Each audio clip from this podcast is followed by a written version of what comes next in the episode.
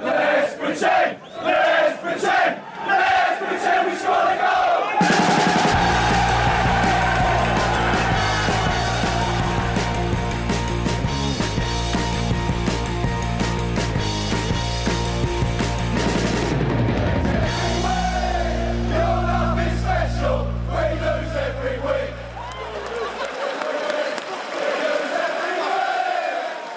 Välkomna säger vi till Sportbladets Premier League-podd. Eh, Frida, du finns med mig för en eh, liten uppdatering så här mellan två tajta omgångar.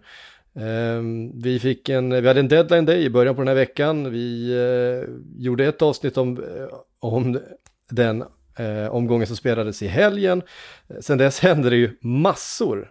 Herregud vilken veckoomgång vi har haft. Eh, 9-0 till Manchester United mot Southampton och dubbla utvisningar för Arsenal. Brighton slår Liverpool. Ja, det finns en hel del att plocka upp helt enkelt. Kan, kan, du, eh, kan du smälta att Thomas Tuchel bara har bott i England i cirka, äh, lite mer än en vecka?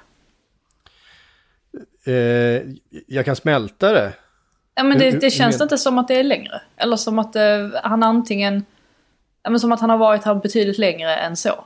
Jag tycker det är så himla mycket som har hänt just de här senaste tio dagarna. Alltså han har ju hunnit leda laget i tre matcher i alla fall. Och Vilket att ju- han också har hunnit sätta sin prägel på laget på väldigt Ja. kort tid. Det är ju det som också är imponerande. Absolut. Jag tänker att vi kommer nog komma till den matchen sist, för min plan var att ta det här liksom kron kronologiskt. För att det Jaha, finns oj, ju... förlåt. Så, nej, det är ingen fara. Det är helt okej. Det blir som en slags, eh, eh, som ett löp nästan, eh, av vad som kommer sen. Eh, men jag tänkte vi skulle börja eh, med, eh, ja, alltså, Arsenals dubbla utvisningar och sedermera förlust. Vad, vad är det som händer? Alltså, det var någon som la upp en statistik på Arsenal, eller på röda kort i Premier League sen Arteta kom in helt enkelt.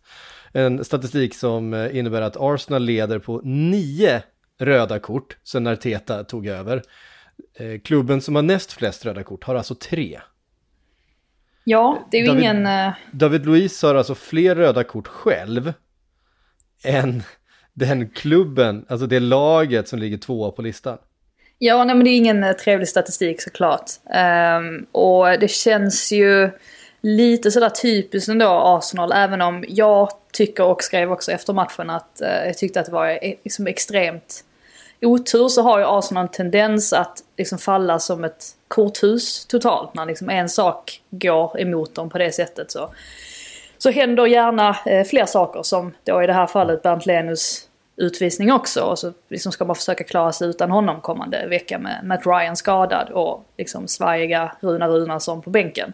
Eh, det, det kommer ju bli tufft men jag vill väl ändå börja i änden och säga att fram tills, ja men igen, ja men alltså fram tills den 45 minuten så tycker jag att Arsenal gör en väldigt bra halvlek. Alltså möjligen den bästa halvleken jag har sett under Arteta. Eh, alltså just på sättet de liksom angrep matchen. Um, kändes som att de hade total kontroll. Uh, Nicolas Pepe återigen väldigt bra och det målet han gör är ju helt fantastiskt. Bukayo Saka tillbaka i startelvan, hade ju trippla lägen inom nio minuter eller någonting sånt. Eh, tycker att han skulle ha satt den här första. Så som var en jättefin djupledsboll från Thomas Partey som spelade som en gud ehm, under de första 30 minuterna i alla fall. Ehm, och Wolves hade ju i princip ingenting. Det är klart de hade en massa, en massa hörnor sådär. Jag vet Killman nickade väl ovanför eh, ribban och så. Men i övrigt så tyckte jag att de såg otroligt svaga ut. Så att här... Som de har gjort ganska länge ska vi Ja. faktiskt ärligt säga. Wolves har inte alls sett speciellt eh, varken pigga eller, eller intressanta ut under hela vintern. Nej men verkligen och här var det ju ingenting som fungerade i princip. Alltså de såg, eh, alltså jag tyckte liksom deras grundspel satt inte alls. Jag tyckte inte att deras pressspel funkade heller. Eh, de var liksom all over the place i princip. Och får ju då den här bjudningen in i matchen när William José går omkull. Och den, alltså just den situationen där med Luis har ju skapat otroligt, otroligt mycket debatt. Ja, folk kommer ju säkert vilja veta vad vi tycker om den här situationen. Du får börja. Ja, alltså jag tycker inte det är fel Alltså jag tycker inte det är fel att döma straff. Jag har sett att vissa liksom tycker att, att, till, att det inte ens borde vara straff. Um, jag tycker ändå att man kan ju se, jag vet att Arteta sa det också, att han kunde inte se någon kontakt mellan Luis och William José. Men jag tycker ändå att um, det ser ju ut som att Luis, um, hur är det nu? Alltså det var så länge sedan man såg situationen. Men att han går i alla fall in och, och, och rubbar hans balans på något sätt. Alltså kan, inte avsiktligt men det räcker för att få William José att falla. Ja. Um, så att det är ju ingen... Det är inte det att han filmar på det sättet även om han säkerligen känner av kontakten och, och förstärker den. Däremot så det här röda kortet då som har diskuterat också i, i det oändliga och som Arsenal överklagade. Eh, jag tycker att, eh, att det är för hårt att döma, eh, alltså att det blir utvisning där. Ehm, det är ju, alltså om man tänker för, ska det verkligen vara, med tanke på att om Louise hade kastat sig fram och sträckt sig efter bollen så hade han klarat sig. Eh, mm. Då kan jag tycka att en sån minimal kontakt att det är ganska hårt att åka ut på. Nej men det är ju det som, det är, det som är det konstiga. Hade han, hade han försökt att tackla där, hade det funnits någon slags intention. Eh, om man hade gått på bollen, om, det vill säga. Om man hade gått mot bollen, då hade det inte varit rött kort. Nu är det helt och hållet oavsiktligt. Vilket ju borde vara en, en, en mindre förseelse än att försöka spela på bollen men misslyckas. Eh, då blir det rött kort. Alltså jag fattar att om man har en rit, riktigt eh, sådär, eh, vad ska man säga, eh, binär syn på fotbollsregler att ja, det, finns, det finns bara ettor och nollor här. Eh, ja, då, då kan man ju se hur det röda kortet uppstår om man läser regelboken och straffen och så vidare. Men har man minsta bollkänsla, vilket jag tycker ska finnas i alla situationer i, i, idrott, ja. då måste man ju förstå att, att en, en helt, alltså straff absolut, det, han avbryter ändå en, en, en väldigt tydlig målchans genom att han, han rör en motståndare. Jag kan köpa straffen, men det röda kortet det ska ju absolut, det ska inte vara mm. gult kort heller. Du, du, eh, sätter ju huv, du sätter ju huvudet på spiken där just det här med att det, det, är ju det man saknar lite kring hela det här med att vi har VAR och så vidare. Att den här personliga touchen saknas. Eh, personliga känslan där man kanske eh, tycker att en, en, annan domare hade kanske släppt och gått vidare. Å andra sidan i det här fallet så drar ju Påsson upp det röda kortet direkt. Så att det hade mm. ju inte blivit någon skillnad egentligen, alltså även om VAR inte hade existerat. Jag tror också att det är ingen fördel att heta David Luiz i de situationerna. Han har ju Nej. hamnat i dem alldeles för många gånger för att Eh, ja, alltså domare ska låta honom komma undan. Så det är ju också någonting han har, han har emot sig. Men hur som helst så, eh, ja, alltså det präglar ju resten av matchen. Och det gör ju att, ja men dessutom då efter att Moutinho helt plötsligt slår till med värsta monsterskottet så, så är det ju kört för oss. Ja, precis. Det, det är ju inte så att att Wolves dominerar matchen efter det. Men de får det här målet precis i början på andra halvlek som blir så oerhört psykologiskt. Så för, försvara sig kan de ju i Wolves, det vet vi ju. Ja, för det mesta i alla fall, även om alltså, det ser skakigt ut där också på sistone. Men, ja, men eh, vi får väl se, de kanske kan använda detta också som någon sorts ja, men positivt momentum eh, för vindarna att vända lite. Min känsla är att försvarsspelet sett positivt ut för att de har haft så otroligt svårt att skapa någonting framåt med, eh, med Jiménez borta och, och, och så vidare. Va? Och eh, Silva och så vidare som inte riktigt levererar. Eh, att de har fått skruva rätt mycket på, på formation och eh, gett vissa spelare mer offensiva eh, uppgifter som Ruben Neves och, och Joao Moutinho till exempel. Som det ser ju bättre ut nu med trebackslinje igen. Det får ja. man ju säga att de, det var nog rätt val att eh, liksom lämna ja. det lite. Jag tyckte det var jättemärkligt när plötsligt Nelson Semedo som är en väldigt offensiv liksom eh, duktig på att utmana liksom som, som ytterback. När han var wingback så tyckte jag han var väldigt bra, utmanade, var inblandade väldigt mycket, såg ut som han, som han hade poäng i sig. Och så plötsligt så blev han en väldigt liksom defensiv högerback som knappt fick springa över mittlinjen och där då undrar jag vad, vad, vad man har värvat in Semedo för. Eh, men som sagt, eh, Moutinho sätter monsterskottet och sen några minuter senare, eller ja, tio minuter senare eller vad det är, eh, så springer Leno ut. Och, ja, vad händer där och, och, och, missar bollen och tar med hand och det är ju ett, eh, ja. Ganska tydligt rött kort i, Men det, istället då. ja, det fina är ändå att det är ju ingen som har varit på Leno om det här. Alltså som jag har sett. Alltså jag tror inte att han har fått utstå speciellt mycket hat och hot i sociala medier som kanske många andra målvakter hade fått ta. Just för att han har varit så konsekvent bra i Arsenal under den senaste säsongen. Han räddade att- ju verkligen poäng mot Manchester United. Ja men precis, så att det är väl lite så här att, precis som jag var inne på tidigare, att ja, en olycka händer eh, sällan ensam. Eller vad, nu sa jag det ordspråket jättekonstigt men en olycka kommer sällan ensam. Eh, och så, så var det väl i, i, det här, eh, i det här fallet också. Tyvärr för Arsenals del, för eh, som sagt kan bli lite jobbigt nu. Eller det ska bli väldigt intressant att se mötet med Aston Villa här imorgon. Mm, verkligen. Eh, en olycka kommer sällan ensam. Eh, Southampton var väl eh, ett av ytterst få lag förra säsongen som åkt på en nio måls förlust. När de gjorde det mot Aston Villa för ja, men ett och ett halvt år sedan ungefär. Nu händer det igen. Den här gången mot Manchester United. Eh, och Ja, Ma- hade... Manchester, Manchester United som innan dess vann med 9-0 mot Ipswich någon gång på 90-talet. Så att de följer, det följer ett mönster det här. Ja, precis. Även i den här matchen två röda kort. Ja, det är också, Eh. varav ett har överklagats och ehm, de har fått rätt också Southampton. Också intressant. Okej, för är det Bednareks kort som de har Ja. över- överklagat? Då? Precis. För att Jankovics eh, kort är inte så mycket att säga om. Nej, det var, inte, det var ingen superdebut för han eh, direkt. Eh, man undrar ju lite vad som alltså. gick genom huvudet och Hasenhüttel var en rejäl sågning också av Jankovic på presskonferensen efteråt. Eh, Känslan är att han fick sig en hårtork. Men jag menar, ja, det, och det är klart att eh, rött kort efter, vad var det, 70 sekunder. Ehm, det är ju den sämsta möjliga starten man kan få på en fotbollsmatch och eh, det sämsta möjliga resultatet eh, blev ju slutändan. Får ju verkligen ge Manchester United där att de, de det var ju inte så att de, ah, de fick sina, ett par mål, började vila.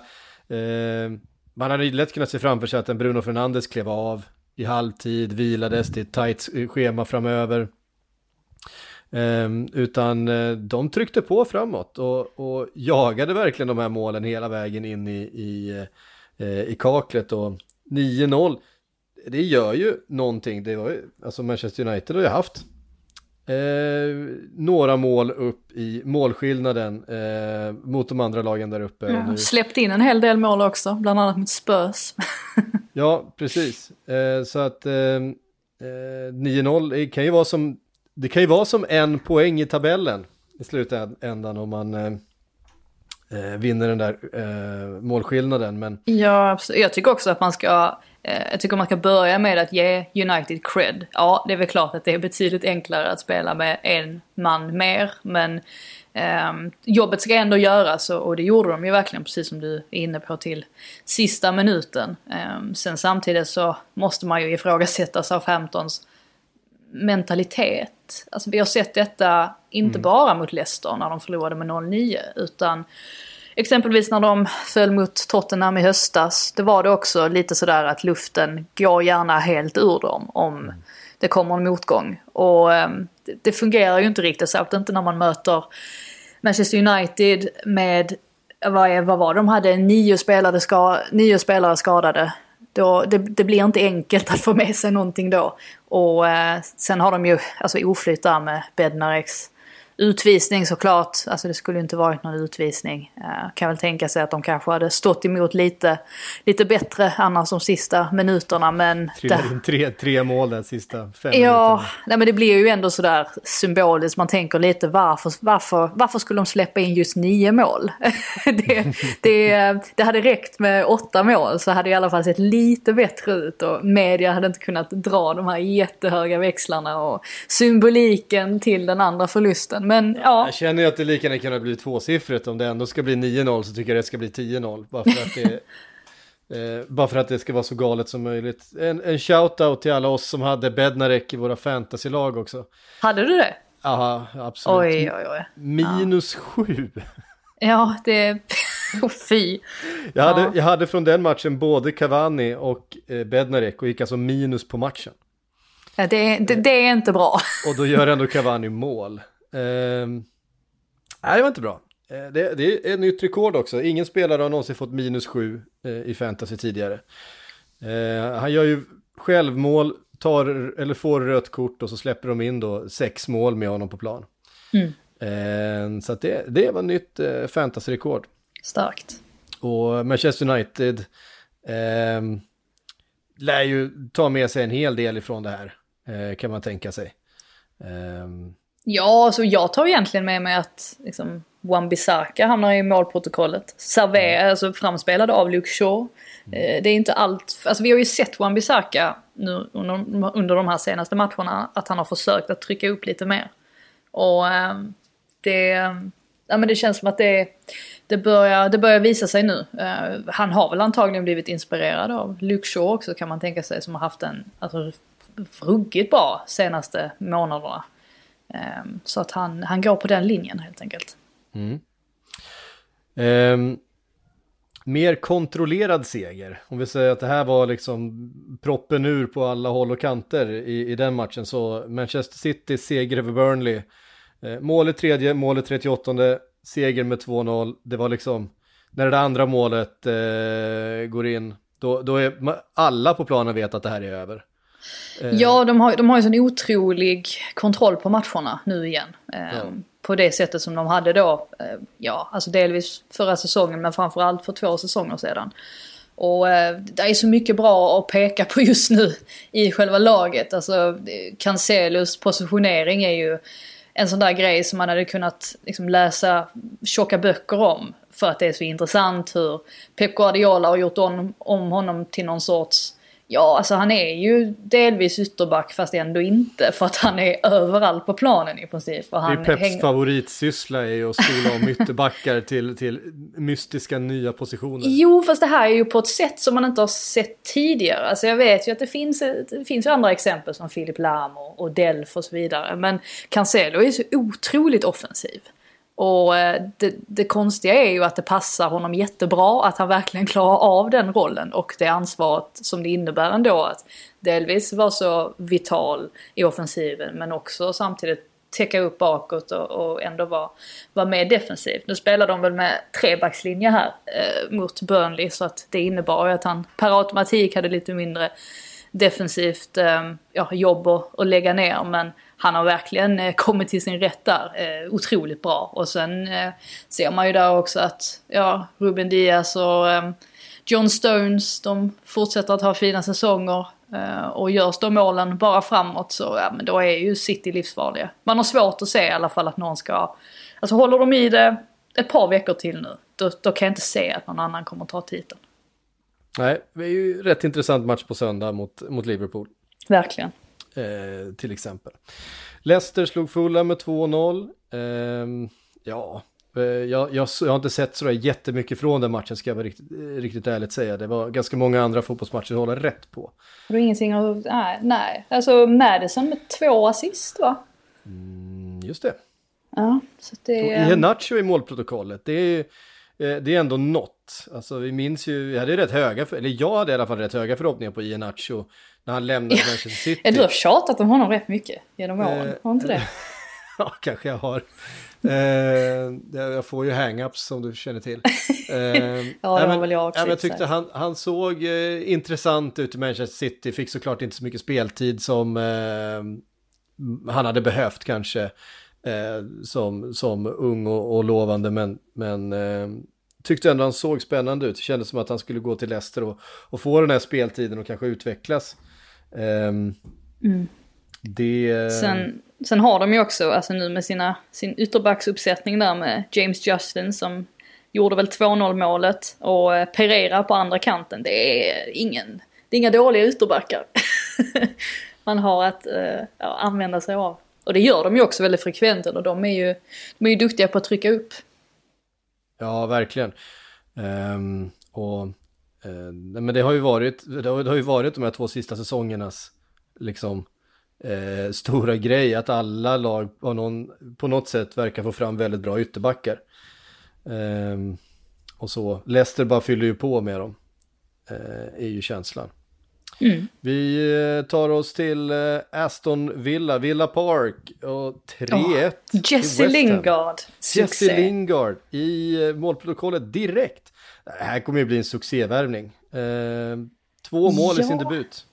Det, det, jag, det som slog mig i alla fall när man såg intervjun med honom efter matchen var ju hur, ja, men hur mogen han känns. Alltså jag tror att det verkar ju som att han har gått igenom ganska mycket saker privat eh, det senaste året och sådär. Och det kanske har, eh, har satt sig lite hos honom på något sätt. Och jag vet att David Moyes sa också det där med att han, som ju ändå har känt Lingard eh, sen tidigare och när han var lite yngre, eh, säger ju det också att det, det här känns som en betydligt mer mogen version av Jesse.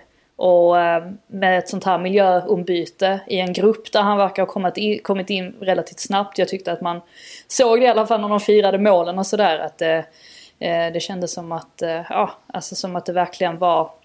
Det kändes som att han hade spelat där hur länge som helst egentligen. Så verkligen en lovande start och det här kan nog bli bra. Jag förstår nu varför Manchester United inte ville ha en köpoption i, i kontraktet. Eh, De känner väl att han fortfarande har mer att ge och det förstår man ju efter att ha sett den här inledningen.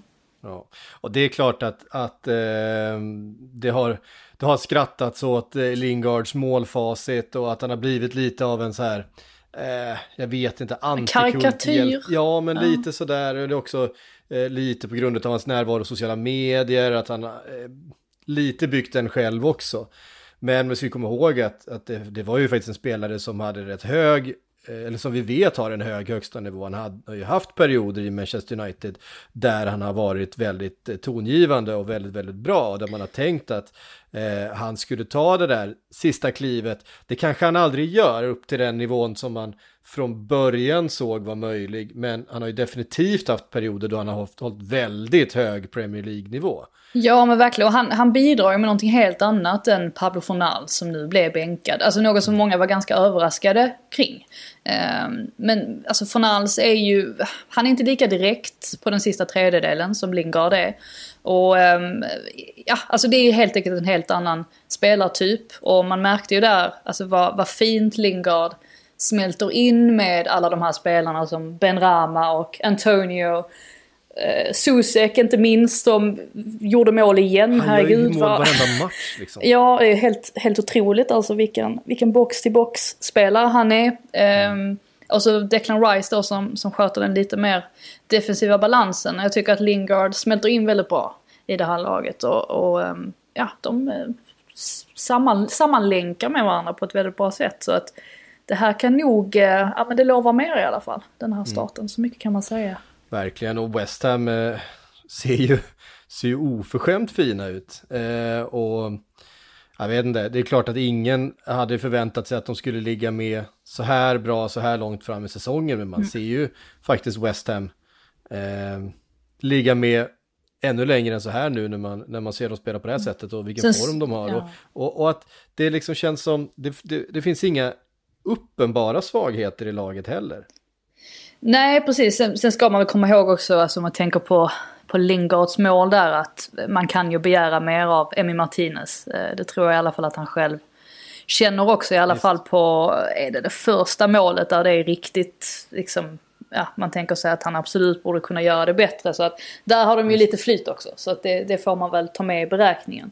Annars så, och dessutom så, Vladimir Kufal, eh, herregud vad han stängde ner Grealish. Ehm, det, de Det är, lagen... inte många, det är inte många som har gjort den här säsongen. Nej, de lagen som vill stoppa Grealish eh, ska nog eh, ta och spana in hur han gjorde. För att eh, det där var en... Eh, ja, han, han, han var kvar i fickan efter, eh, efter slutsignal om man säger så. Ehm, lite senare den kvällen, ehm, eller det var, det var faktiskt, skedde precis samtidigt, förlåt. Ehm, på Anfield, Liverpool-Brighton. Åh, det älskar du prata om. 0-1. Eh, jag har verkligen längtat efter just det här segmentet i, i, i podden när du får lägga ut texten om, om eh, den Ska här jag? matchen. Ja, nej men... Eh, eh, det din kan jag väl göra. Ja, nej men min, min magkänsla på förhand Eh, var att eh, det här inte skulle gå vägen för Brighton. Och det var ju jättefel. Men eh, anledningen till detta var ju givetvis att den skadelistan bara blir längre och längre. Visst, man pratar mycket om, om Liverpools skadelista och det är klart att de har många avbräck men det hade ju faktiskt Potter också inför den här matchen. Och de sista som hamnade på den listan var ju Fältman ehm, och McAllister som har varit väldigt bra senaste tiden. Och tryckte, alltså det innebar ju att man fick sätta ut Dan Burn som wingback till vänster. Eh, han satte Solly March till höger, vilket var väldigt intressant. Med tanke på att det då innebar att March kunde använda sin vänsterfot istället, alltså lägga över bollen på vänster och eh, ja, alltså bidra med någonting helt annat till offensiven.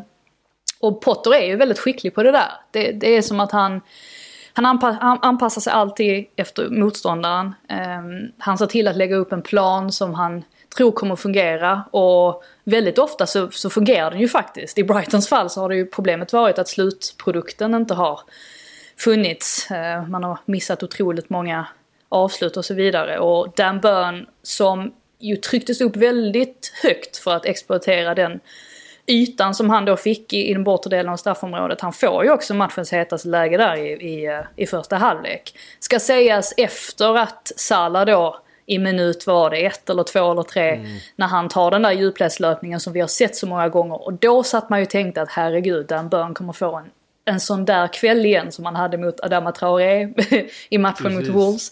Men så blev det ju inte alls. Eh, och det kan man väl eh, diskutera varför. Alltså dels är det ju för att Brighton är ett väldigt svårt lag att möta. Alltså på ett sätt så är de ett bottenlag på så vis att, eller bottenlag, men de är ett lag som man ser huserar på den nedre delen av tabellen eftersom att de har ju såklart väldigt mycket respekt för Liverpool och ser ju till att eh, hålla defensiven solid. Sen samtidigt så har de så otroligt många passningsskickliga spelare.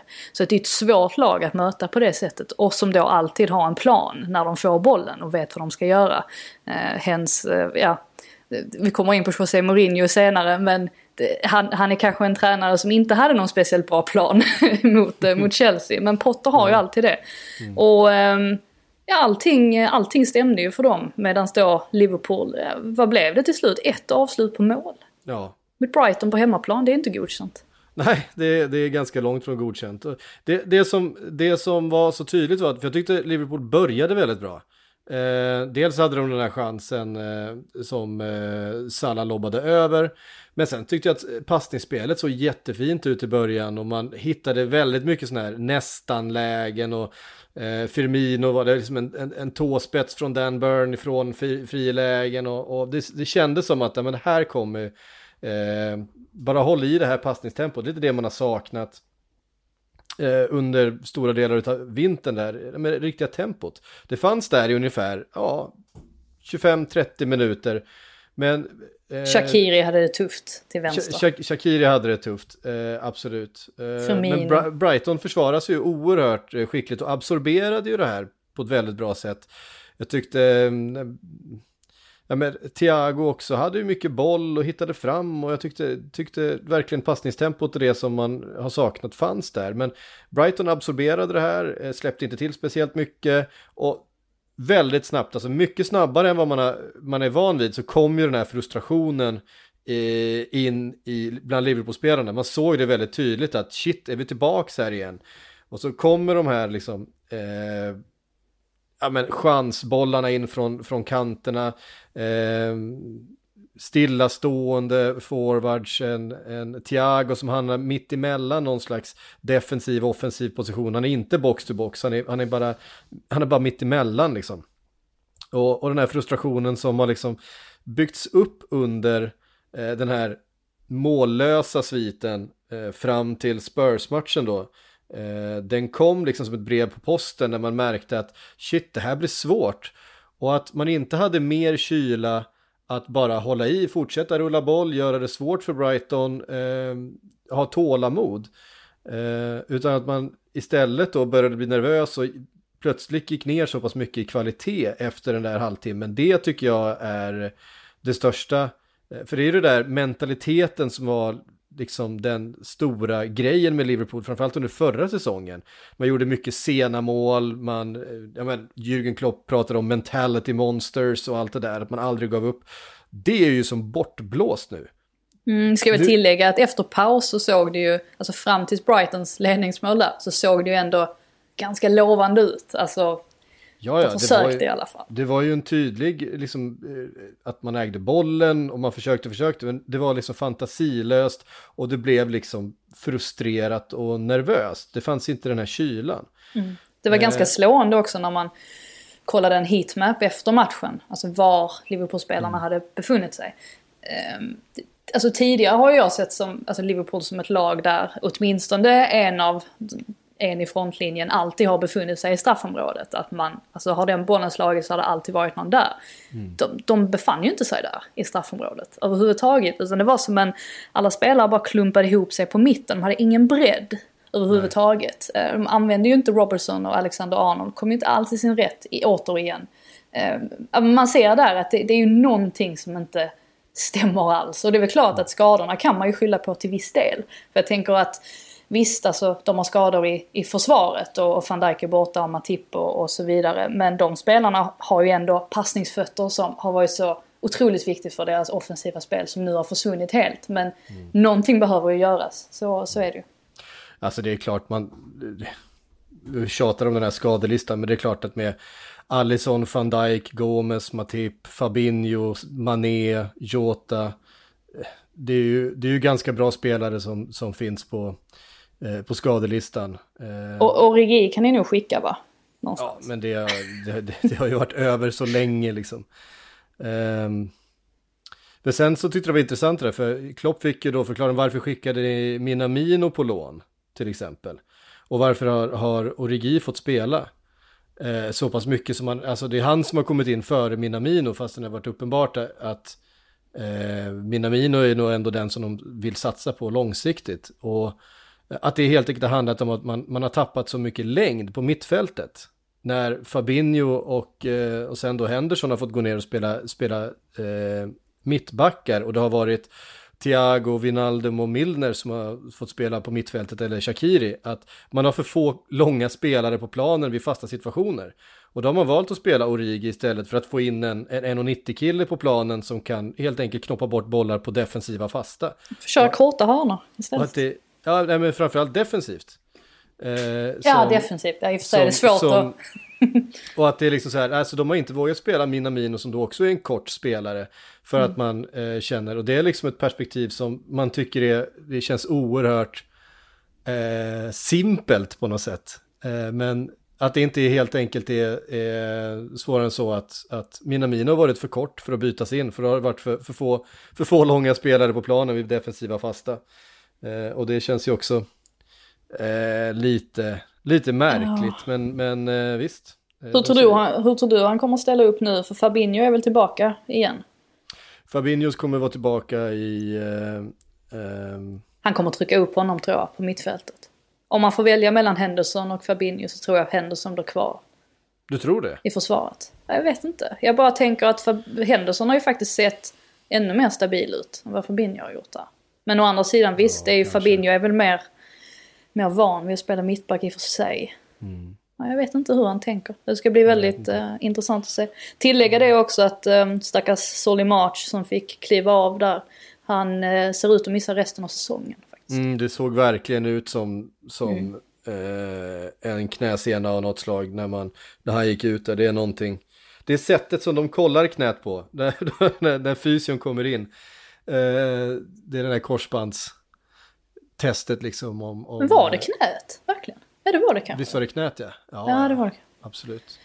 Ehm, Eh, det, det vill jag minnas att det var. Ja, ja, det är ju, de, de har ju knappt några spelare längre, alltså kantspelare. Så att det ska bli, ska bli intressant att se vad Potter hittar på härnäst. Men eh, nu, nu får man ju säga att de kan, de kan ju slappna av lite i alla fall. Nu när de ligger på en femtonde plats. Och eh, enligt Robertson så är ju Liverpool inte med i titelracet längre. Nej, då Och har det, han väl rätt i eh, kanske. Det, ja, alltså det är ganska många matcher kvar, men eh, jag tycker att det har lika mycket med hur, hur pass bra Manchester City och att vi vet att Manchester, Manchester City i, den- i den här formen som de är nu, de kan liksom gå rent resten av säsongen.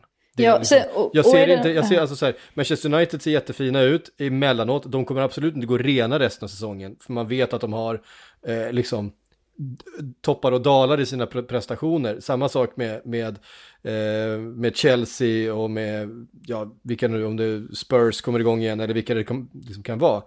Eh, men Manchester City vet man ju att de, för de har gjort det förut så många gånger, de, de kan liksom spika igen 10-15 matcher i rad och bara vinna dem. Ja, jag känner väl lite, känner väl lite så här också att om, om vi liksom backar tillbaka bandet till ja, nej, september, oktober när alla managers började inse vad den här pandemisäsongen kommer leda till. Ehm, så har ju, alltså olika managers har ju hanterat detta på väldigt olika sätt. Alltså Pep Guardiola insåg att nej, jag måste ändra alltså sättet vi spelar på. Vi kan inte pressa lika intensivt längre. Det, vi kommer inte hålla i så fall under den här säsongen. Medan det kändes som att Klopp, ja visst, alltså fick skador på skador. Men också att han kanske inte var riktigt lika villig att ändra på saker utan det handlade mer om att, ja men för tidiga matcher eller eh, ja men för intensivt eh, spelschema. Och det är ju definitivt någonting som Guardiola också har klagat på. Jag säger inte att det bara är Klopp. Det är ju flera, Solskjaer har ju också påtalat det och så vidare. Men Guardiola har ju verkligen hanterat det. Eh, alltså hela den här säsongen och allt det som den här säsongen har fört med sig på ett väldigt, väldigt effektivt sätt som ju troligtvis nu kan leda till titeln också. Det är intressant för att jag tror i oktober så satt vi och pratade om, oj, är Man Citys, är, är deras liksom, tid, alltså är den pepp-eran över nu? Ja, det, det, är den ju uppenbarligen inte. Han har ju hittat ett, ett nytt sätt att uh, vinna på. Så det ska bli intressant att se hur han tar sig an matchen mot Liverpool. Um, ja, alltså kommer han liksom vara lite avvaktande, låta Liverpool göra lite som de vill där i början? Eller hur kommer han liksom gå rakt rakt på sak eh, med tanke på hur det har sett ut. Det är ju, ja, det är spännande att se. Mm, jag tror inte han kommer kliva ut med någon överdrivet eh, offensiv. Nej, jag tror inte det heller. Eh, han gör sällan det mot, eh, mot klopplag, utan han vet att det, eh, eh, det bästa är att inte bjuda på något. Eh, för de, mm. har så mycket, de har så mycket egen kvalitet att de, de hittar antingen lösningar och ett kryss i det här läget tror jag är ett, ett, ett, ganska stort steg för Manchester City mot titeln. För det innebär i stort sett att Liverpool kommer vara många poäng efter, kommer behöva jaga, är dessutom ur form. Eh, då har man i stort sett bara Manchester United kvar eh, att på riktigt så här, se sig över axeln eh, för. Och eh, ja, jag tror att, eh, jag tror att det kommer vara ett ganska försiktigt Manchester City, ett väldigt kontrollerande Manchester City. För jag tror inte Leicester kommer hålla hela vägen eh, och övriga lag är liksom lite för långt bak. Eh, faktiskt, så att då, då, jag menar man har redan tre poäng upp eh, med en match mindre spelad. Så att eh, det, det är verkligen, det är Manchester Citys titel att förlora härifrån in, det är känslan. Vi hade också ett, eh, ett möte igår Mm, Tottenham 0, Chelsea 1. Tottenham som, vet, det har gått fort på något sätt. Från att de kändes som en titelutmanare och Mourinhos cyniska fotboll eh, skulle bära frukt och eh, sen har liksom hjulen trillat av den här vagnen. Förstår inte riktigt vad Mourinho, eh, alltså vad han tänkte inför den här matchen. För att han ställer ju ut ett sorts liksom 4-2-2-2 där han liksom ja, i princip liksom packar ihop alla spelare i mitten av planen. Men det fungerade ju inte alls. Jag vet inte om det var så att han trodde att Tuchel skulle köra vidare på ja, men, ungefär samma grej som han har gjort, eller som han hade gjort de, de två inledande matcherna. Eh, gjorde han ju inte riktigt. Eh, Hudson Odoi var ju inte wingback utan var ju mer, liksom, lite, lite mer inåt i planen medan Reece James tog den positioneringen. Vilket gjorde att det var väl typ en sorts mer 3, 4, 1, 2 ungefär. Och alternativ 3, 4, 3. Alltså Mason Mount sa ju det i intervjun efter matchen också att han, hans liksom, beskrivning eh, kring vilken roll han skulle ha var väl snarare mer falsk nia än tia. Eh, och det märktes ju att det här ställde Mourinho totalt för att särskilt ändå högerkanten som Chelsea har använt sig av på ett otroligt bra sätt de här inledande matcherna. Alltså Mason Mount har ju varit, sen han fick hoppa in i, var det 80 minuten mot Wolves i, i första mötet där under Tuchel så har han ju bara cementerat den där platsen och gavs ju otroligt mycket ytor ihop med James och Hudson Odoi då som, de överbelastade ju högerkanten hela tiden och eh, det blev ju så eftersom att Tottenham var uppställt på det sättet de var så, så var det ju hela tiden en spelare som kom fri. Och det var ju därför ja, de dominerade matchen totalt. Sen, eh, ja, så får man väl hålla med Mourinho om att ja, det är en straff som eh, Jorginho inte hoppade innan han satte. Nej, Intressant tack och lov, jag är ju... Är det något jag har så det, ja. otroligt svårt för så är det de där hoppen före man slår straffen.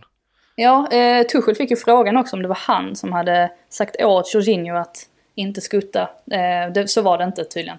Men eh, målet satt i alla fall. Och eh, sen är det väl klart att, ja, alltså man kan, man kan prata om att Spurs kliver ut i den andra halvleken och ja, det, det är lite mer, in, alltså, lite mer intensitet i, i spelet så att säga. Men det känns samtidigt fortsatt som att det inte riktigt är något syfte med exempelvis deras, ex, ah, exempelvis deras pressspel.